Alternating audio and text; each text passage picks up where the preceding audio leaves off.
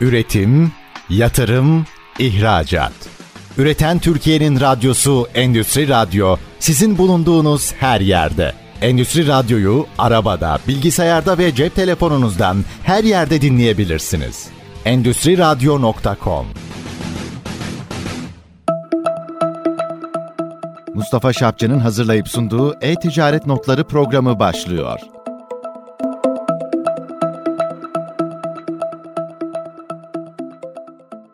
Türkiye'nin Ekonomi Radyosu, ST Endüstri Radyo'da bir e-ticaret notları programında daha beraberiz. Sizlerle beraber olmak benim için büyük mutluluk. Ben Mustafa Şapçı, konuğum Cahit Cihat Yıldırım.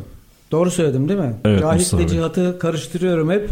Muhabbette de demin aynı şeyi yaptım. Onun için kusura bakmayın özür dilerim. Efendim Cahit Bey genç bir girişimci. Girişimciliğinin yanında da e-ticaret uzmanlığı var. Aynı zamanda da kendisiyle aynı dernekte üye statüsündeyiz. Elider Elektronik Ticaret Derneği Sayın Başkanımız Fehmi Darbay'la güzel çalışmalar yapıyoruz. Güzel çalışmalarına şahit oluyoruz. Hoş geldiniz beyefendi. Ee, Hoş bulduk Mustafa Bey. Çok teşekkür ederim değerli davetiniz için. Evet hemen şeye bakalım bir genel olarak piyasaları bir kontrol edelim. E-ticaret dünyasında ne alemdeyiz, neler yapıyoruz, yenilikler var mı?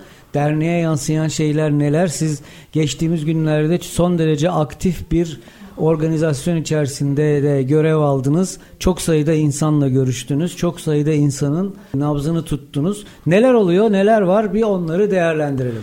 Ee, tabii e-ticaret ekosisteminde son aylarda çok fazla gelişme oldu. En yakından bildiğimiz e-ticaret yasasının gelmesi, akabinde pazar yerlerinin aldığı kararlar, son zamanda Türkiye'deki malum bildiğimiz ekonomik dengelerden dolayı metriklerimizin sürekli değişmesi gibi pek çok konu var. Bunların tümünü değerlendirecek olursak sektör son zamanlarda epey çalkantılı ama temelinde e-ticaret pazar yerlerinin girmiş olduğu bu yasa gereği almış olduğu komisyon indirimleri, komisyon ve reklam pazarlama modellerindeki kısıtlamalar, yasal kısıtlamalar, lisans ücretlerinin başlayacak olması gibi sorunlar var.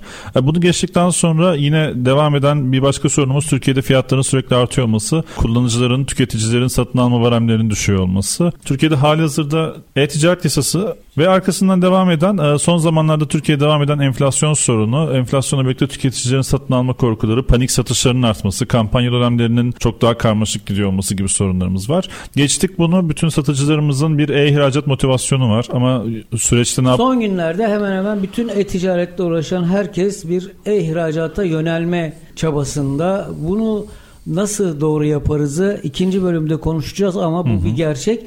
Az önce söylediğiniz e-ticaret piyasasında bir çalkantı var dediniz. Bu çalkantıdan kastınız genel kapsamlı bu anlattıklarınıza bağlı şeyler mi yoksa farklı olaylarla mı yaşanıyor? Yok tamamen yasayla ilgili. Çalkantıdan kastımız yanlış anlaşılmasın. Her şey gayet yolunda ancak yasanın pazar yerleri tarafından nasıl uygulanacağı, neler yapılacağı, pazar yerlerinin aksiyonlarına karşılık bizler ne yapacağız? Ee, bu çok özellikle müşteri toplantılarında görüştüğümüz bir konu. Artık 2023 için pazar yerlerinin değil kendi web sitelerimizin, kendi dijital varlıklarımızın daha önem kazandığı, artık satıcıların kendi e-ticaret siteleriyle de belirli bir ağırlıkta sipariş karşılığı bir yıl olması hedefleniyor. Çünkü yine dediğimiz gibi yeni yasanın getirmiş olduğu değişikliklerden sonra pazar yeri reklam kısıtlamaları ve bu reklam pazarının da %65'inin bütün reklam pazarı e-ticaret satıcılarının yani pazar yerlerinin 2-3 pazar yerini kapattığını düşünürsek bu aradaki gap'i de haliyle bizim satıcılarımız yani e-ticaret e, siteleri, dikey e-ticaret sitelerini doldurabileceği bir fırsatlar mevcut. E tabii ki bunun için 2023 yılındaki e-ticaret sitelerinin çok daha günümüz gereklerine uygun algoritmaları, tasarımların her şeyle tamamlanmış olması gerekiyor. Temel durum bu aslında. Yani aslında siparişin ikame etti. E, belirli pazar yerlerinin adını vermeden söylüyorum. Kendi e-ticaret sitelerimize kaydığı bir dönem diyebiliriz. Peki son bu yasayla beraber pazar yerlerindeki değişiklikler neler acaba? Neler yaşanıyor? Örnek vermek gerekirse satıcıyla ortak yapılan komisyon iskontosu tamamen ortadan kalkıyor. Influencer marketing konusunda pazar yeri satışı ile ilgili farklı regülasyonlar geliyor. Mesela en dikkat çekenlerden biri şudur ki pazar yeri satıcının ürününü teslim edildikten ve kendi hesabına geçtikten 5 gün sonra ödemesi gerekiyor. Hepimizin bildiği üzere e-ticaret pazar yerlerinde vade 28 gündür, 21 gündür, 14 gündür. Her birinin kendi vadeleri vardır. Ortalamada 21 gün diyebiliriz bu finansman süresine. Şimdi geçen yeni yasayla deniyor ki bunun 5 güne geçmesi. Mesela geçen günlerde adını vermeyeceğimiz yine bir pazar yeri satıcılarına şöyle bir bilgilendirme geçti ki bunu biz de gördük. Zaten bizim finansman ve banka süremizle ilgili şeyden dolayı teslim yani ödeme süremiz 28 gündür. Vadede herhangi bir değişiklik yapılmayacaktır şeklinde bildirimler aldık. Bir başka pazar yeri ise haftada 2 gün ödemeye geçti. Burada satıcılar için en kritik olan kısım finansmandan dolayı satıcının hesabına geçmesi süresinin 5 güne düşmüş olması. Ama bunun dışında reklam pazarlama modüllerinde karşılıklı iskonto modüllerindeki komisyon paylaşımlı kampanyaların yasa gereği duraklatılması ve buna benzer diğer işbirliklerinin duraklatılması tabii ki satıcıların çok da lehine olmamaya başladı. Ama onun dışında satıcı lehine olan da pek çok şey var. Örnek veriyorum iadede kargo ücretini artık e, satıcı talep edebilir. Pazar yeri müşterisine sübvanse edebilir ama satıcı bu iadede kargo ücretini ödemekle mükellef değil gibi şeyler bu var. kargo ücreti konusu ciddi bir polemiğe yol açtı. Sizce e, tüketici mi ödemeli yoksa internet sitesi mi ödemeli? Satıcı mı bunu üstlenmeli? Hemen şöyle e, bir ürünün kargosunun ücreti yani mesafeli satışta aldığımız bir ürün için satıcı bunu promosyon olarak tanımlayabilir. Ama ürünün değişim yapıldı ki bizim çok fazla moda markamız var. Çok yaşadığımız senaryodur. Medium alınacaksa SML işte renk alınacaksa 3 rengin de alınıp evet. 6 üründen ikisinin iade edildi. Biz aynı zamanda farklı ülkelerde de satış yapıyoruz. Çok yüksek adetlerde bir dönem Rusya'yla işlerimiz oldu. Hala accountlarımız devam ediyor. Ee, mesela belli pazar yerlerinde yurt dışında şunları görüyoruz. Değişim veya iade ürünün hatasından kaynaklı değilse müşteri caydıysa ödemeyi müşteri yapıyor ve bu iade oranlarını ciddi anlamda düşürüyor. Çünkü müşteri öncelikle alırken iade edeceğini, iade ederken ücreti ödeyeceği bildiği için e, daha kararlı bir alışveriş yapıyor. Şimdi günümüze gelelim.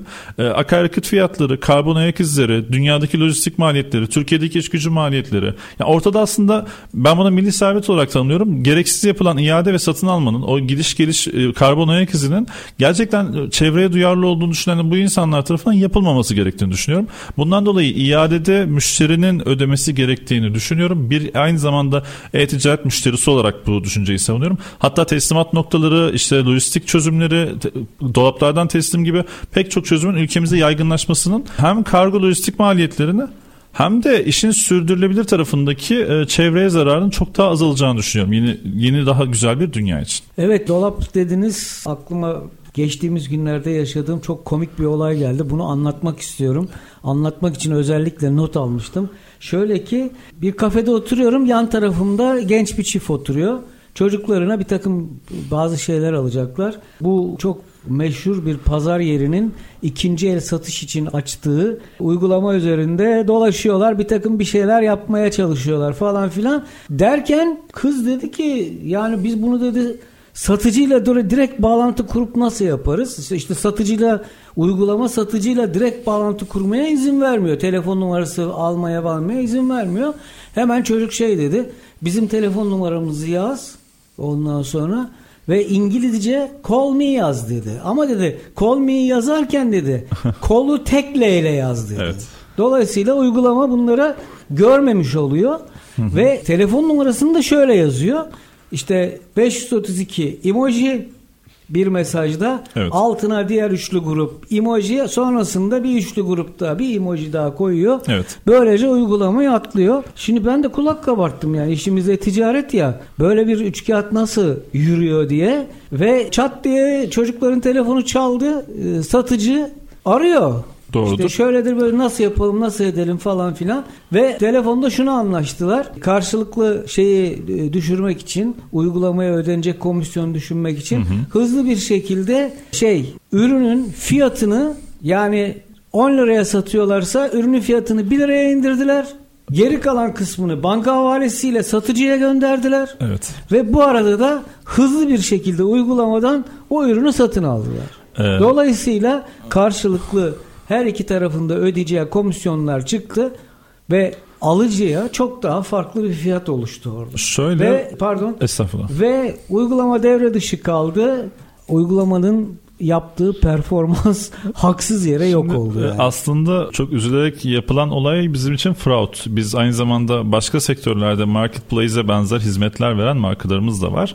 E, Akdeniz insanı izleyeceğim en kibar tabiriyle bunu. Çünkü işte taksi uygulaması var. Taksici ile bir yolcu eşleştikten sonra süreç iptal ederek komisyon durumunu kaldırmaya çalışıyorlar. İşte iş bulma platformları var freelancing. İşte adlarını bildiğimiz çok yaygın. Platformlardan çıkartalım ama platformlardan çıkarttığımızda güven güven unsuru şey oluyor. Ürünün sigortası kargolaması değişiyor. Aslında pazar yerinin veya işte o platformun matematiği kullanıcıların onu kullanacağı üzerinedir ama maalesef hele ki bir kez iş yaptıktan sonra ikinci de o platformu asla kullanmayıp aradan çıkartıyoruz. Ee, insan olarak hani toplum olarak biraz daha samimi ve sıcakkanlı insanlar olduğumuzu ben çok iyimser şeyiyle yaklaşıyorum. Doğru ama bir yandan mesela e-ticaret yasasında da bununla ilgili bir not var. Her satıcının iletişim bilgilerinin satış yaptığı sayfada bulunması zorunluluğu getirildi pazar evet. Yerlerine gibi. Hı. Hani bunlar tabii ki bu tarz sorunları getirecek. Bu yıl hani pazar yerlerinin tekellerinin kırıldığı bir e, yıl olacağı için maalesef bu tarz senaryolar ve bunlara karşı da yeni önlemler göreceğiz ki hani orada pazarlama maliyeti, IT maliyeti yapıp o platformda buluşturarak aslında gayri safiyi arttıran yani ekonomimiz için iyi bir hale getiren ikinci el bir ürün yeniden değerleniyor baktığınızda yeniden bir işlev buluyor. Fayda sağlayan firmanın tabii ki pazar yer işletmecisi değilim ben bir ticaret satıcısıyım ve danışmanıyım ama diğer tarafta da bunların da çıkarlarının olması bizim bence faydamıza olur. Hani bunlar çünkü bu işten para kazanmadıklarında ya da rekabet veya pazar payı kapmadıklarında çok devam edeceklerini açıkçası e, sanmıyorum. Kısaca şey hani bu market marketplace'in rasyosu diyebileceğimiz bir konu. Orayı hesaplayarak bu fraud oranını hesaplayarak zaten bu işleri yapıyorlardır. Hatta bunları fark ediyorlardır. Bir de BI tool'larında ani fiyat düşüşü ve arkasından satışın gerçekleşmesini performans olarak yorumlamadıklarına e, çok eminim. Evet şöyle bir işin sağlamasını yapalım e, diye düşünüyorum. Şimdi çok hızlı bir şekilde peş peşe gelen e-ticaret konulu etkinlikler vardı. Doğru. Ve bu etkinliklere çok sayıda insanın katıldığı söyleniyordu. Siz de bu etkinliklerin takipçisi, sponsoru ve katılımcısı olarak hep vardınız. Az önce program başında söylediğim gibi birçok insanla da diyaloglarınız oldu. Şimdi e, bu diyaloglardan ortaya çıkan sizce nedir? Hedefleri ne olacak insanların? Şöyle yapalım. Sektörde gerek STK'lar, gerek etkinlik şirketleri, e, gerek organizasyonlar ve özellikle firmaların, yazılım sağlayıcı firmaların, altyapı sağlayıcı firmaların düzenli çok güzel etkinlikler oluyor. E, bu etkinliklerde gördüğümüz e, gerçek bir motivasyon var. Gerçek bir e, satış motivasyonu var. Gerçek bir dijitalleşme motivasyonu var. Belki ilginç gelecek Mustafa ama ben bunu Avrupa'daki veya yurt dışındaki müşterilerimizde bu derecede görmüyorum ya da bize böyle denk geliyor. Bizim ajansımıza böyle denk geliyor. E, Türkiye'deki satıcılarımızın özellikle yabancı paritede gelir hedefinden olsa gerek. Aynı şekilde perakendenin de dijitalleştiği, görüştüğümüz bazı perakende firmalarında çok yakın zamanlarda denk geldik. Hani perakendenin dijitali oranları çok yüksek oranlarda, olağan dışı oranlarda olabiliyor. Şu an Türkiye'de perakendenin e-ticaret oranı %14'lerdeyken görüştüğümüz firmalarda yani %25'ler, %20'ler hani farklı oranlar görebiliyoruz.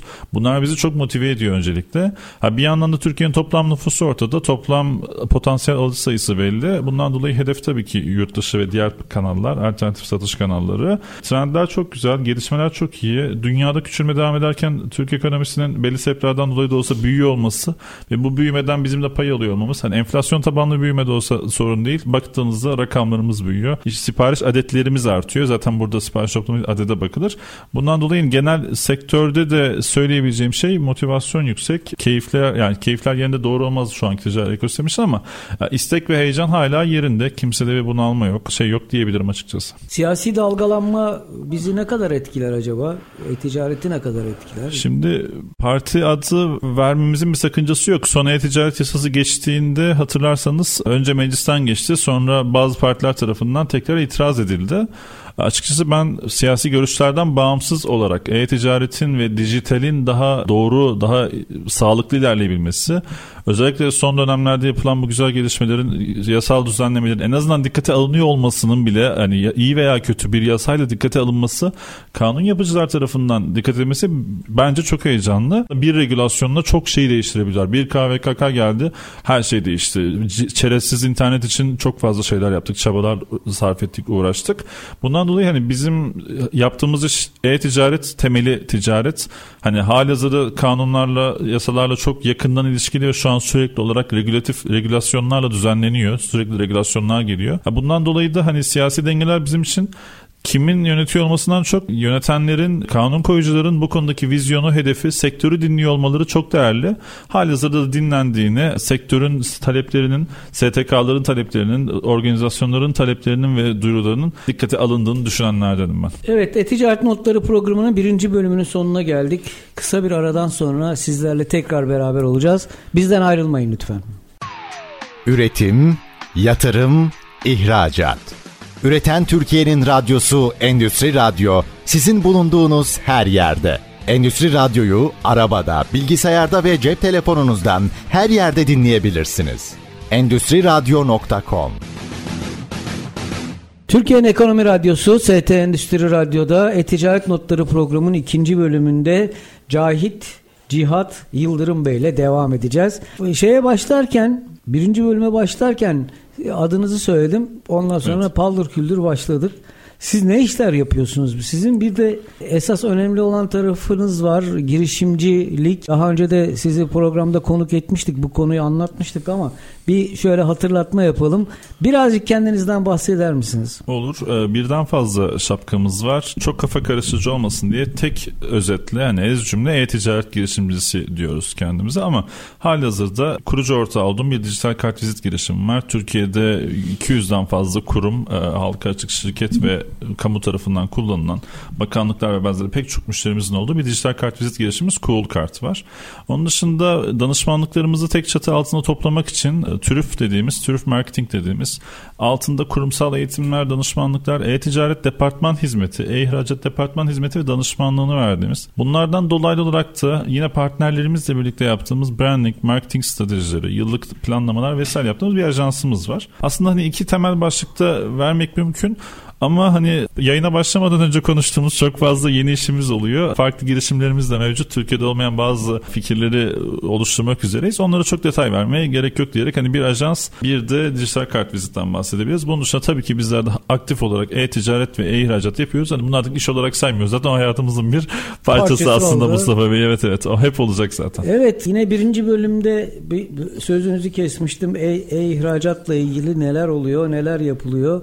Niye e-ticaret ticaretçiler e-ihracata doğrudan yöneldi. Yabancı marketplace'lerin Türkiye'ye girmesiyle neler ortaya çıktı? Öncelikle bu konuda dünyada gelişen olaylara, son savaşa ve Rusya-Ukrayna savaşına bakarsak çok basit, e, temel, çok temel seviyede dünya siyasetine bakmak yeterli oluyor bu fırsatı görmek için. Onun dışında moda ülkesiyiz. E, moda ülkesi olmamızdan kaynaklı yurt dışındaki moda odaklı pazar yerleri başta Zalando ve benzeri direktmen hani partnerlik kurulabilecek, çalışabilecek firmalardan.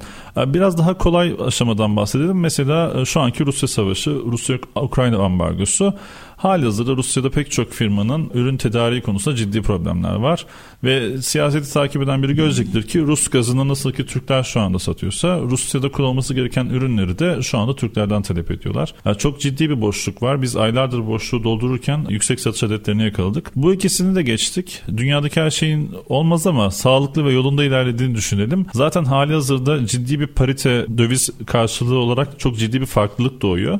E, lojistik maliyetlerine rağmen, Swift maliyetlerine rağmen, getirdik parayı Türkiye'ye kambiyo bozdurma vesaire bütün bu finansman ve görünmez maliyetlere rağmen bugün daha dün Twitter'da geziyordu. Çok keyifle de okumuştum. E, X bir pazar yerinde Türkiye'de 100 liraya 0 TL imal ettiğiniz ürünü 100 liraya satarsanız bakın 0 TL hava satarsanız 100 liraya sattığınız bu ürünü karı 21 TL. Yani hiç para harcamadan bir ürün yarattığımızı hani vermeden almak Allah'a mahsus da hiç para harcamadan bir ürün yaptığımızı düşünelim 21 lira kazanabiliyoruz. E, bu kadar yüksek komisyon oranları varken yurt dışı pazar yerlerindeki komisyonlar düşük. Pazar daha boş. Bizler kadar doygun değiller. E, böyle olduğunda işler çok daha yolunda oluyor. Getiri çok daha yüksek oluyor. E, tabii ki bunun zorlukları var mı? Çok fazla var ama faydaları da var. Zorlukları nelerdir? Lojistik maliyetleri, lojistik süreçleri, Faydaları nelerdir? ETGB beyanı, KDV'den ve bazı vergilerden muaf olması gibi faydaları da mevcut. Özetle başa başa geldiğinde yani toplama baktığımızda yurt içinden daha fazla para kazanıyoruz. Temelde biz tacirler olarak da amacımız daha yüksek, daha kısa zamanda daha fazla para kazanmak olduğu için ihracatın ana motivasyonu bu. Yan motivasyonları da diğerleri. Evet dijital yaşam şekli artık hayatın her tarafında var. Geçtiğimiz günlerde gazeteci, yazar ve şarkıcı Ömür Gedik beni aramıştı. İyi dostumdur kendisi. Uzunca bir süre beraber çalıştık. Bir uygulamadan bahsetti bana ama bu uygulamanın öncesinde dedi ki günde kaç adım atıyorsun? Ondan sonra ben dedim ki ben bayağı bir yürüyorum yani 10 bin adımı buluyor. Ya dedi sen bizim için çok iyi bir bağışçısın ne yapacağım? Bir uygulama var dedi o uygulamayı indir ve o uygulamanın üzerinden dedi işte adımların bağışa dönüşüyor. Tesadüf ki Biraz önce sizinle e, çay sohbeti yaparken siz de bu uygulamadan bahsettiniz. Evet. Bu uygulamayı her şeyiyle bize şöyle bir 3-4 dakika içerisinde tam olarak adını da söyleyerek Seve ve seve. yatırımcısından da bahsederek biraz anlatır mısınız? Evet, çok isterim. Gelişen teknolojiyi takip etmek, yeni ürünleri kullanmak da çok iyi bir kullanıcıyız. E, Ben de çok sık kullanıyorum. Fite bağlanan bir mobil uygulama var.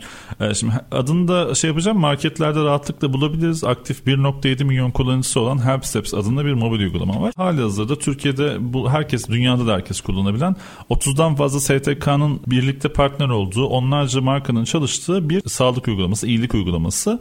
Herhangi bir e, markaya bağış yaparak sabah uyandığınızda, adımlarınızı attığınızda telefonunuz attığınız adımları takip ediyor ve bu mobil uygulama bağış yapmak isteyen markaların reklam bütçelerini sizlerin adımlarıyla dönüştürerek istediğiniz STK'ya bağış yapmanızı sağlıyor. E, Kısa özetiyle bu şekilde. Yani siz hiçbir para harcamadan sadece günlük rutininiz devam ederken yaptığınız adımlar sayesinde orman yangınlarında ormanlara, özel STK'lara, adını şey yapamayacağımız bir pek çok STK'ya bağış yapabiliyorsunuz. Peki bu bağış nereden geliyor? Bu Help Steps uygulamasına hali hazırda devam eden markalar, e, bağış yapan markalar var. Markalar da bağışlarını bu uygulama üzerinden yapıyorlar.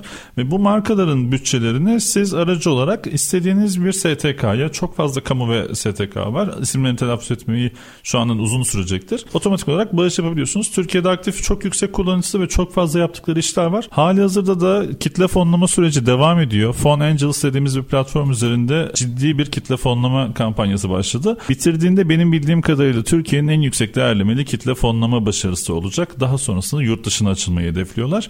Ben de bizzat çok kullanıyorum. Kullanmış olmakla birlikte kitle fonlamasına da katıldığım için sohbetten önce bahsettik. Bireysel olarak bir yatırımcı olarak hani yatırımcı adayı olarak bu kitle fonlamaya katıldım. Açıkçası hani kitle fonlama süreçlerinde yasal bir sorun olmadığı için söyleyebiliyorum. Ben çok heyecanla katıldım. Teknolojiyi takip eden herkesi de açıkçası öneriyorum. Kaç tane dernek var acaba biliyor musunuz? STK listesine bir yandan sizinle beraber konuşurken mobil uygulamadan bakıyorum. 35 tane STK gördüm. İçlerinde TEMA'dan Haytap'a, Kızılay'dan ÇYDD'ye pek çok dernek ve STK mevcut. Evet Cihat Bey.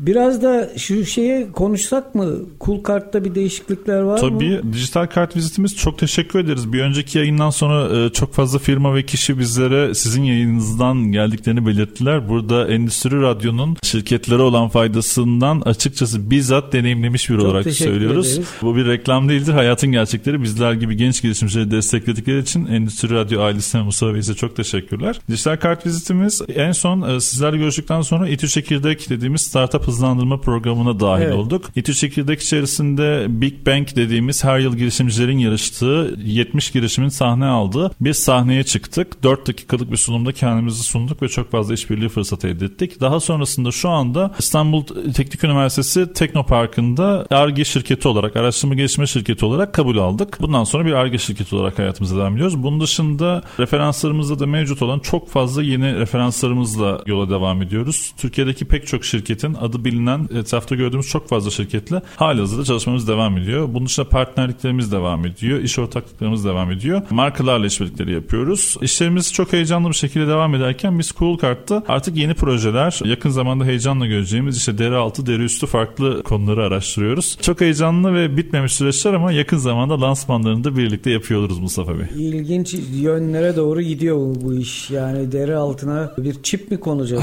Şöyle ben bunu bizzat kendime yaptırmaya gidiyorum yakın zamanda. Deri altı mikroçiplerimiz var. Bir de elektronik dövme dediğimiz vücudun üzerinde yani deri üstünde bulunan ancak yazdırılabilir elektronik dediğimiz yani kağıda yazdırdığınızda da kağıdın elektronik hale geldi, alıcı haline geldi. Bazı teknolojiler var. Dünyada bu teknolojiler henüz elektronik dövme özellikle daha hiçbir yerde ticarileşmemiş. Biz bunu çok yakın araştırıyoruz ve üzerinde çalışıyoruz. Mikroçipler biraz daha İs- İsveç'te falan kullanılıyor. 6000 kişi bugüne kadar kendini taktırmış. Kapıları açarken, Starbucks'ta ödeme yaparken vesaire bunları kullanıyorlarmış. Zaten var olan teknoloji biz Türkiye'ye evireceğiz sadece. Tabi burada pazar araştırması, fiyatlamalar, işte FDA onayları, Türkiye'deki Sağlık Bakanlığı, diğer kişisel beyanlar, hani sonuç itibariyle insanları bıçak altına sokuyoruz gibi gibi çok fazla araştırma. Biz bir teknoloji şirketiyiz, sağlık şirketi değiliz. Hani burada bir sürü Evet. e, şeyler var. Onun dışında Cool Kart'ta başka neler oluyor diye bir kısaca e, gözümün önüne getirmeye çalışıyorum. Yurt dışında birkaç ülkede doğrudan partnerlikler vermeye başladık. E, Bu ülkeler hani, biraz daha 3. dünya ülkeleri olsalar da çok ciddi taleplerle bizlere geliyorlar. Çünkü o ülkelerde ilk e, biz başlıyoruz. Dünyada bazı ülkelerde bunlar var ama pek çok ülkede ilk kez biz götürmüş olduk. Özetle bu şekilde biz Cool Kart'tan şu aşamada memnunuz. E, tabii ki yani yalnızca kartvizit yapmıyor olacağız. Şu an sadece kartvizitsiz. Platformumuz çok keyifli ve elverişli bir hale geldi. E, inşallah ilerleyen süreçte bazı adını bildiğiniz müşterilerimizle birlikte ortak yayına gelir. Birlikte bir müşteri başarı İnşallah. hikayesini anlatıyor oluruz. İnşallah. Peki efendim e-ticaret konusunda Yapılan yanlışlar neler? Siz neleri görüyorsunuz piyasa içerisinde? Yani çok fazlaca var. Birden fazla saymak epey var. O yüzden bir düşünmem gerekti. Nereden başlayalım diye. E, bu radyo programı dinleyenler muhtemelen iş insanları ve endüstrinin hani biraz daha hani sektörün çalışanları yöneticileri olduğunu düşünerek hı hı. ben bir yönetici seviyesinde yapılabilecek hataları söyleyeyim. Öncelikle en başta Türkiye'de e-ticarete giriş yapan pek çok şirketin stratejik olarak baktığı yanlış bir konu var. İşte e-ticaret örnek veriyorum 30 gün vadeyle 90 gün vadeyle dışarı satmayayım da 7 gün vadeli e-ticarette alayım bakış açısı var. Bu e-ticaret ürünlerini bozdurabileceğiniz, hızlı satabileceğiniz, çok hızlı atabileceğiniz bir yer değil. Markanızın fiziksel olarak markanız neyse dijitalde karşılığı. Yani fiziksel olarak işte A ses grubuna üst düzey bir marka yapmak istiyorsanız e-ticarette de bunu yapmamız gerekiyor. Pazar yerlerine girip çok düşük fiyatlarla hızlı bir şekilde ürün satıp finansman ihtiyacı olduğunda oradan para çekebileceğimiz bir kumbara gibi görmemek gerekiyor. Özellikle şirket yöneticileri seviyesinde yapılan stratejik hatalardan biri bu. E-ticarette her şeyin fiyatla ve rekabetin fiyatla gerçekleştiği düşünülüyor. Asla ve asla değil. Biz yalnızca fotoğraflarını, videolarını, açıklamalarını değiştirip çok daha yüksek fiyatlara aynı ürünleri sattığımız danışmanlık yaptığımız markalarımız oluyor ve bakın biz sizin ürününüzü test ettik. Bu şekilde bu fiyattan satabiliyoruz dediğimizde şaşırıyorlardı bizlere. Çünkü bunu sadece bir fiyatla rekabet edilen Türkiye'yi bir fason kültürü götürüyor. E-ticaret de böyle zannediyor. Aslında markalaşmak, bir hikaye yaratmak, gerçek markalar yaratmak e-ticaretin temel stratejisi olmalı. En büyük yanlış bunu yapmayıp ürün satıyor olmak. Biz ürün değil hikaye satmaya inanıyoruz. Ürünlerin hikayeleştirmeye, marka, markalar yaratmaya ve bu markalarla büyümeye inanıyoruz. Böyle olursa e-ticaretin gerçekten katma değerli olduğu e, gerçekten gayri safiye Türkiye'ye para kazandırdığı bir yere geleceğini düşünüyoruz. E, daha sonra biraz daha iç detaylara gidelim. İşte yanlış yazılım seçimleri, yanlış danışmanlıklar, iç kaynaklarla bunun devam ediyor olması, doğru danışmanlıkların alınmaması veya hiç danışmanlık tercih edilmemesi. E, geldik fiyatlama stratejileri, kargolama maliyetleri yani her yani neresinden tutsam şeyi var Mustafa Bey bunun sonu yok. Ben kabaca şey diyeyim buna stratejik hatalar diye özetleyeyim. Altında da bir markalama, iki rekabet unsurları diyebiliriz kısaca. Peki şimdi aklıma geldi de Coolcard aslında çevre dostu, dijital bir organizasyon. Evet. Peki matbaacılarla aranız nasıl? Kızmıyorlar mı size? Ya bu kartı icat ettin, bizim satışlar düşüyor, artık hiç kimse 10 takım kart siparişi vermiyor demiyorlar mı? Şimdi Feridun abi duyup da beni kızmasın. Biz matbaacılara peşin ödeme yapıyoruz. O yüzden aramız çok iyi. Yok şaka yapıyorum tabii ama şöyle matbaaların da bir derdiymiş zaten kartvizit yapmak. Biz buna başlayınca bizim belki komik gelecek matbaacımız bizden belki 20 kez falan sipariş vermiş olabilir kartvizit kendi müşterileri için. Evet. Ee, şöyle bir konu var zaten düşük adetle kartvizit yapmak ya da düşük adet yapmak hiçbir matbaanın istediği bir hizmet değilmiş. Değil tabii. O bundan dolayı da o düşük adetin de istenilen rengi tutturamaması, pantonesi vesaire teknik detaylarından dolayı müşterileri genelde yüksek adete yönlendiriyorlarmış dijital baskı olmaması için ya da farklı senaryolar götürülüyormuş. Bu sebepten özetle de matbaalar da zaten bir Angarya'dan bize vermiş oldular. Hatta çok fazla dijital baskı merkezi matbaa vesaireden e, sipariş yönlendirmesi alıyoruz aslında. Ondan dolayı yine aramız kötü mü? Değil. Yarın kötü olur mu? Hiç sanmıyorum. Ama daha kağıdı tamamen hayatımızdan çıkaracak bazı vizyon ürünlerimiz var. Ee, onlar ortaya çıktığında evet benim için risk teşkil ettiği yere belki bir gün gelebiliriz ve varsa bir matbaa lobisi Türkiye'de bilmiyorum. O zaman konuşabiliriz. Şu aşamada yok ama Mustafa Bey. Evet laf lafı açıyor. Çok çok şey konuşuyoruz ama asıl konumuz e-ticaret. E-ticaretle ilgili, e-ihracatla ilgili yeni hedefler var yeni projeler var, yeni markalar var. Anlat anlat bitmiyor. Benim tek istediğim şey bu programları dinleyenler e-ticaretle ilgili olarak doğru hedeflere koşsunlar. Birazcık bizi dinlerken bunlardan kıssadan hisse çıkarsınlar diye düşünüyorum. Efendim programımızın ikinci bölümünün sonuna geldik. Cihat Bey de sağ olsun çok tatlı konuşuyor. Bizden ayrılmayın. Üçüncü bölümde e-ticareti ve bilişimi farklı noktalardan tekrar konuşacağız. Üretim, yatırım, ihracat. Üreten Türkiye'nin radyosu Endüstri Radyo sizin bulunduğunuz her yerde. Endüstri Radyo'yu arabada, bilgisayarda ve cep telefonunuzdan her yerde dinleyebilirsiniz. Endüstri Radyo.com Türkiye'nin Ekonomi Radyosu ST Endüstri Radyo'da E-Ticaret Notları programının son bölümüne geldik.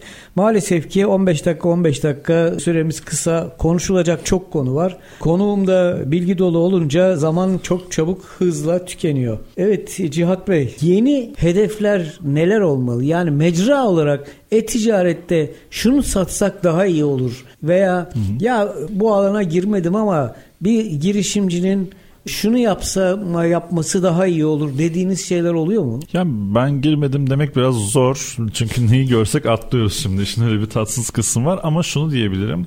Dijital pazarlama yapıyoruz. Burada şu an programı dinleyen pek çok insan halihazırda e-ticaret yapıyor. Kendi web sitelerini geliştirmek, SEO'yu bir yere getirmek, sosyal medyada yeni platformları kullanmak nedense biraz atalete ataletle olmuyor. Yani nedense insanlar girişmiyor bu konulara ama yeni platformları denemek mesela ben öneri olarak direkt burada söyleyebilirim. Türkiye'de kreatif içerikler üreten, videolar yaratan herkesin TikTok'ta pazarlama yapmasını, pazarlama bütçelerinin Facebook Meta tarafından TikTok'a kaydırmalarını doğrudan getiri artışını zaten göreceklerdi. Türkiye'de yüzde hani pek çok ürün yüzde vermeyelim. Ee, BC grubu, C1 grubu insanlara hani doğrudan hitap ediyor. Hedef kitle segment olarak çok iyi bir yani platform ve ürün çok iyi meç oluyor. Her ürünlük segmentte değil. Yani kullanılması gereken mecralardan. Onun dışında yeni pek çok Türk girişimcilerin yaptığı bir sürü ürün var. Şu an adları aklıma gelmese de. Çok yakında Twitter'da gördüm yakın zamanda bir karlılık hesaplama araçları, işte şirket değerleme araçları, bir sürü yeni tool'lar görüyorum. Daha evet. yayında olmasalar da. Bunların e, kullanılması biraz daha early adapt dediğimiz erken e, benimseyici evet erken benimseyici olmanın önemli olduğunu düşünüyorum. Trend olarak sayacak olursak dünyada çok hızlı Asya ülkelerinden bir kasırga gibi gelen Türkiye'de de bir son bir yıldır biraz daha oturan sosyal ticaret. Sosyal medya üzerindeki ticaret çok daha iyi bir yerlere gidiyor. Onun dışında kişiselleştirme şu an gündemimiz olan chat GPT ve sonrasındaki yapay zeka trendi ki bu yıl belli ki Furya GPT olacak. Devam ediyor. Bu çok daha hızlı gidecek. Artık bu kadar işler gelişmişken web sitemize bir e, chatbot kurmak e, çok böyle hani büyük bir konu olmamalı. İşte AI botları kurmak, recommendation algoritmler kurmak, öneri algoritmaları kurmak, kişiselleştirilmiş mailler göndermek hala markalarımıza görüştüğümüzde, konuştuğumuzda olmayan konular oluyor. Çok şaşırıyoruz açıkçası. Artık hani biz çok daha farklı yerlere getirdik konuyu o yüzden şaşırıyor da olabiliriz. Gibi hani trendlerin tümünün takip edilmesi ve uygulanabilirlerin uygulanmasını çok tavsiye ederim. Yine uzatacağım biraz ama yakın zamanda çok keyifli bir ürün. Bir startup'ın ürünüydü. Pek çok marka bunu kullanmaya başladı. Moda marka markalarının artık kesinlikle kullanmasını önerdiğim bir tool var. Hani ürün ve üretici isim vermeden nasıl anlatabilirim? Şöyle söyleyeyim. Herhangi bir ürün beğendiğinizde bunun e, kombinlediği kombinleme uygulaması yapılıyor ve bu yüz binlerce kişi tarafından kullanıldıkça uygulama ve site içerisinde datanız daha iyi hale geliyor. Yani bir mavi gömleği bir siyah kravatla işte bir gri e, ceketle her neyse kombinleyen belirli robotlar yapıldı. Hani e-ticaret şirketlerinin, perakende şirketlerinin bunları artık sistemlerine entegre etmesi, kullanıyor olması kesinlikle gerekli. Niye diyecek? göreceksiniz. Bir kullanıcının bir ürün alıp çıktığında 100 liralık bir sepet değeri varsa 100 lira ürün kalmadı da örnek veriyoruz. 4 ürün aldığında çapraz satışlarla yukarı satışlarla 1000 liraya çıkardığınızdaki müşteri yaşam boyu değeri veya diğer tarafta reklam harcamaları getirirse çok daha yükseliyor. E günümüzde de e, ekonominin durumu reklam harcamalarının maliyetleri düşünürse bir müşteriye daha fazlasını satmak çok daha önemli. E burada kombin öneri, uygulama öneri robotlarını kullanmak çok daha keyifli olacak. Marka ismi vermeden şey yapmaya çalıştım. Özetle bu şekilde. Peki şimdi ilginç bir şeyden bahsettiniz. TikTok üzerinden satış yapmaktan. Hı hı. E, yani katılımcılarının neredeyse %70'inin belly dans yani göbek dansı yep. yaptığı bir uygulamadan bahsediyoruz. Doğru. Ama şimdi aklıma geliyor Çin TikTok üzerinden satışlar için özel bir ödeme sistemi, özel bir uygulama farklılığı çıkardı galiba. Hı. TikTok üzerinden satış nasıl yapılır? Ee, şöyle ki e, burada biz TikTok'un içerisindeki kullanıcı profili veya davranış olarak evet halihazırda programı dinleyen benim gibi pek çok profildeki iş insanı içinde veya endüstri profesyonel içerisinde garip gelebilir veya ya hayır olmamalı diyebilirler. Ancak şöyle bir öncelikle bir marka niye sosyal medya platformlarını kullanır? Kısaca şunu bir anatomisine 30 saniye değil mi? Evet yani çok güzel bir yerden değindiniz. Ne için bir mesela bir buzdolabı firması ya da bir tekstil firması neden sosyal medya platformlarını kullanır veya kullanmak zorunda? Şimdi en temel üniversite iletişim dersi. Kullanıcılar e, eskiden e, yani bir, bundan 20 yıl önce fiziksel dünyadalardı. Dijitale geçtiler. Kullanıcılar Facebook kullanmaya başlayınca markalar bir yerde kendilerinin görünmediklerini fark ettiler. Normalde outdoor'da, gazetede, dergide bir yerlerdeyken dijitalde bir boşluk olduğunu fark ettiler. Bu sefer markalar da hesap başladılar. Dijital platformlarda bu markalara farklı imtiyazlar sağladı. Para verirsen kullanıcının önünde olabilirim diye. Daha sonra kullanıcılar Facebook'tan Instagram'a, Instagram'dan Twitter'a, Twitter'dan gibi gibi farklı platformlara geçtikçe markalar da kullanıcılarını kovalamaya başladı. Aslında siyasetçilerimiz de, teknoloji şirketlerimiz de, perakende şirketlerimiz de, e-ticaret şirketleri de niçin yeni hesaplar açıyorlar? Niye yeni platformlarda erkenden yer ediniyorlar? Çünkü oturmuş bir platformda kullanıcı sayısı belirlenmiş, algoritması oturmuş, zorlukları oluşmuş bir platformda. Instagram'da bugün bir hesap oluşturalım ve 100 bin takipçiye ulaşsın diye bana gelen talebe verdiğimiz teklifle TikTok'unki aynı olmuyor. Çünkü büyümekte olan bir platform. Geldik TikTok içerisindeki kullanıcı davranışına. Evet orada kullanıcıların videoları veya işte içerikleri çok daha algoritmaya göre farklı olabilir. Ancak bir yandan şurada güncel verilere baktığımızda TikTok Türkiye'nin herhalde son geçen yılın yıldızı olabilirdi. 26,5 milyon aktif kullanıcısı var. Türkiye için kilit pazar olduğu söyleniyor. Dünyada 19. 26,5 milyon. Tabii Türkiye'de 60 milyon aktif internet kullanıcısı olduğunu düşünürsek 63 milyon gibi. Yarısı. Ee, tabii çok yüksek bir şey verebiliriz. Peki TikTok Türkiye 2021 yılında 2022 de değil 2021 yani 2 sene önce 92 milyon lira da dijital hizmet vergisi ödedi. Yani Türkiye'deki gelirinin e, doğru hatırlıyorsam %7,5 dijital hizmet vergisi %7,5'una karşılık 92 milyon lira 2021'de ödedi. Evet. Bunu çok daha fazlasını kazandı. Ya biz peki markalar olarak burada gelelim hani şey mi yapalım? Bu arada TikTok'un Türkiye'deki faaliyet geliri de TikTok'un kendi geliri bu. TikTok üzerinden satış yapan biz satıcıların değil kendi reklam satış gelirleri 1 milyar 239 milyon Türk lirası 2021 yılında. İşler ve rakam rakamlar dev rakamlardan bahsediyoruz. Ve bu rakamlarla yaptıkları satış ki biz hani Reklamcılar Derneği'nin güncel verisidir. 1 liralık reklam harcamasının ekonomiye toplam geliri 17,5 liradır. Yani 1 milyar liralık bir reklam satışı yaptığını düşünürsek 17 milyar liralık Türk para kendisinde veya Türk gayri safisinde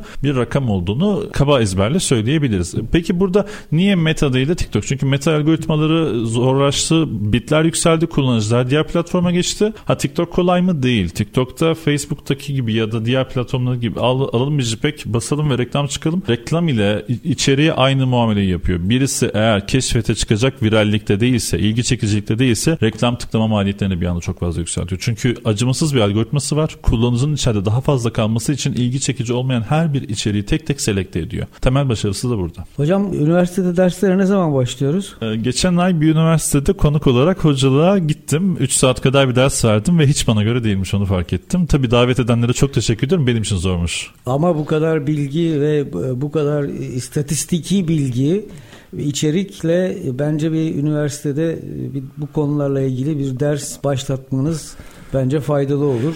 Çevrenize de faydalı olur diye düşünüyorum. Yani davet gelirse. Onun için hocam diye hitap ettim size. Estağfurullah Mustafa hocam çok benim için abisiniz aynı zamanda yaşça da farkımız var. Teklif gelirse niye değerlendirmeyelim ama odamız çok daha farklı yerlerde. Biz bu bilgi birikimimizi, araştırmaları, trend takibimizi zaten yani TÜRÜF çatısı altında reklam gibi oldu araya ama TÜRÜF çatısı altında bir danışmanlık hizmeti olarak e-ticaret trendlerini müşterilerimize anlattığımız advisory dediğimiz bir danışmanlığımız var. Yani süreçlere hiç girmeden dışarıdan bakıp bu şekilde bunları bunları takip edin, bunları yapın dediğimiz bir danışmanlığımız da var. Ayrıca işleri yaptığımız hizmetlerimizin dışında bu. Onun dışında zaten hani her yerde sağda solda da herhangi bir teklifimiz olmadan zevkle konuştuğumuz, anlattığımız konular bunlar. Çok teşekkür ederiz. 14 Şubat yaklaşıyor. 14 Şubat'ta e-ticaret şirketleri nasıl adımlar atacaklar, Hemen. neler yapacaklar? Yani şurada bir şey kalmadı 13 gün Aslında var. kampanyaların hazır olmuş olduğunu zaten düşünüyoruz. Çünkü 14 gün kala bir kampanya için zaten kampanyanın runway'de oldu ve muhtemelen bitmek üzere olduğu bir zamandır. Son 7 güne kadar devam eder. Peki 14 Şubat nasıl bir fırsat sağlar? Örnek vermek gerekirse satmak istediğiniz ürün ve yanında bir bundle yaparak 2 al 1 öde, 2 al %50 indirim al gibi belli discountlarla e, stok fazlası ürünlerin birlikte bundle yaparak eritilebildiği bir kampanya çözümü olabilir ilk aklımıza gelen. Yalnız 14 Şubat Şubat'ı çiftler için düşünmeyin. Self love dediğimiz yani biraz daha kişilerin kendilerine de hediye aldığı bir davranış paterni var. Yani bir satın alma paterni var ki 14 Şubat'a 3 gün kala kişi kendine bir hediye alıyor ve o hediyeyle kendini mutlu ediyor. Yani çünkü öteki durumda şöyle oluyor. 14 Şubat yaklaşıyorsa kadınlar için olan bir hediyenin son tüketicisiyle satın alan kişi değişiyor. Yani müşteri ve son tüketici değişiyor. Müşteri ürünü satın alan son tüketici ise hediyeye kavuşan kişi oluyor. Bir yüzük reklamı yapıyorsanız onu o yüzüğü alıcıya değil hediye eden kişiye vermek gerekiyor. Bir hediye iletişimi sistemi yürüyor. Hediye sezonlarının genel paterni de budur. Yani ters bir kitleye hedef reklam verilir. Satın alan kişiyle alışveriş yapan kişi farklıdır. Buna dikkat etmek çok önemlidir. Markalarımız nedense ürünün son kullanıcısına reklam veriyorlar. Bu biraz hata olabiliyor. Onun dışında dediğimiz gibi bundle, product bundle'lar, setler vesaire için keyifli bir kampanya modeli kurulabilir 14 Şubat üzerinde Mustafa Hocam. Bu sizin söylediğiniz çapraz pazarlamadaki yani stok eritmek için yapılan çapraz pazarlama aslında yanlış bir terim burada. Onu öyle kullanmamak lazım ama stok fazlası ürünleri eritmek için hızlı giden ürünlerin peşine takmak gibi bir satış stratejisi var. Bununla ilgili yaşanan ve oldukça komik bir olayı anlatmak istiyorum. Tabii ki. Bir e, pazar yerinde az giden bir saç kurutma makinesi var saç kurutma makinesinin çok fazla hızla satılabilmesini sağlamak için yüksek değerli bir parfümün yanına promosyon olarak konulmasına karar verilmiş ve ürün sorumlusuna da bununla ilgili talimat veriliyor. Hmm. Yalnız parfüm 1500 lira, saç kurutma makinesi 20 lira. Bu işi uygulayan arkadaş Çok bir tatsız. terslik yapıyor. Hı hı. Saç kurutma makinesini ana ürün yanına parfümü de promosyon olarak koyuyor. Ay, yer değiştiriyor. Ve bir bakıyorlar ki saç kurutma makinesi patlıyor satışı. Sonra bir kontrol ediyorlar. 20 liralık ürüne 1500 liralık parfüm promosyon olarak konmuş. Nedeni buymuş. Evet, e-ticaret notları programının son iki dakikasına geldik. Burada ben sözü tamamen size bırakmak Yap. istiyorum. Genel değerlendirmeyi ve toparlamayı siz yapın. Programı öyle kapatalım. Tabii. İki dakikamız var. Mustafa Şapşi ile E-Ticaret Notları programının kapanışı bana kalmış olmasının verdiği şaşkınlıkla hemen toparlıyorum. 2023 ee, yılında e-ticaret şirketlerine çok daha fazla yatırımlarının dünyada küçülme devam etse bile Türkiye'de çok daha en azından ihracat yönlü olarak büyütülebildiği fırsatlar mevcut. Öncelikle bunun değerlendirilmesi çok önemli. Akabinde trendler ve yenilikler çok önemli. 3 yıl geriden yapmış yapmış olduğunuz bir web sitesiyle veya aylardır içeriğinin girilmediği bir e, sosyal medya hesabıyla satışlar yapabilmek veya buradaki satış davranışının olmamasından dolayı üzülmemek gerekir. E, doğru danışmanlık veya iç kaynaklarla bir şekilde e-ticaretten e, para kazanmak mümkün. Perakendede mağazalaşmış bir şirketin e-ticaretten para kazanamaması mümkün değil. Eğer böyle bir durum yaşıyorsanız lütfen görüşelim. Çünkü bir mağazada kişiyi içeriye alıp o mağazanın ışıklarını açıp kasayı açıp nebimi çalıştırıp sistemi aktive edip bu sorunu çözmüş bir şirketin bir web page'in üzerinde bir UX davranışını analiz ederek belli reklamlar vererek kuralları biraz daha oturmuş bir sistemde satış yapamaması veya başarısız olması soru işaretidir. Ha karlılık bir sorundur. O başka bir konu. Rasyo bir sorundur. Başka bir konu. Ama genel itibariyle hani burada e, e-ticaret yapamıyor olmak veya şirketin e-ticareti küsmüş olmasının e, sebeplerini iyi araştırmak, iyi tahlil etmek gerekir. Bize çok farklı case'ler geliyor Mustafa Hocam. Özetle onları söyleyebilirim. E, son kapanış notu olarak da heyecanlı bir yıldayız. Seçimin e, siyasi ve dünyadaki küresel gelişmelerin hepsinden etkilenen bir sektördeyiz. Aktif ticaretin içindeyiz. Böyle. Bütün t- tacirlere ve iş insanlarına aynı zamanda son her vatandaşlarımız aynı şekilde bu zorluklu bu zorlu dünyada her geçen gün daha da zor geçen dünyada ne denir bilmiyorum kolaylıklar diliyorum herkese. E, davetiniz için de çok teşekkür ederim Mustafa Hocam. Buraya beni davet etmiş olmanızdan da çok mutluyum. Bir önceki görüşmemizden sonra bizler için etkisi çok keyifli olmuştu Endüstri Radyo'nun. Ee, Endüstri Radyo'ya sponsor olmayı da aynı şekilde düşünüyoruz. Ee, destekleriniz ve katkınız için tekrar teşekkürler. Evet, Üreten Türkiye'nin radyosu ST Endüstri Radyo'da bir e-ticaret notları programının daha sonuna geldik. Konuğum genç girişimci Cahit Cihat Yıldırım'dı. Kendisi e, birçok konuda bize e-ticaret, e-ihracat ve girişimcilikle ilgili bilgi verdi. Programımızın sonuna geldik. Ben Mustafa Şapçı. Bugün günlerden pazartesi sizlere bol kazançlı, helal kazançlı günler diliyorum. Cahit Bey çok teşekkürler.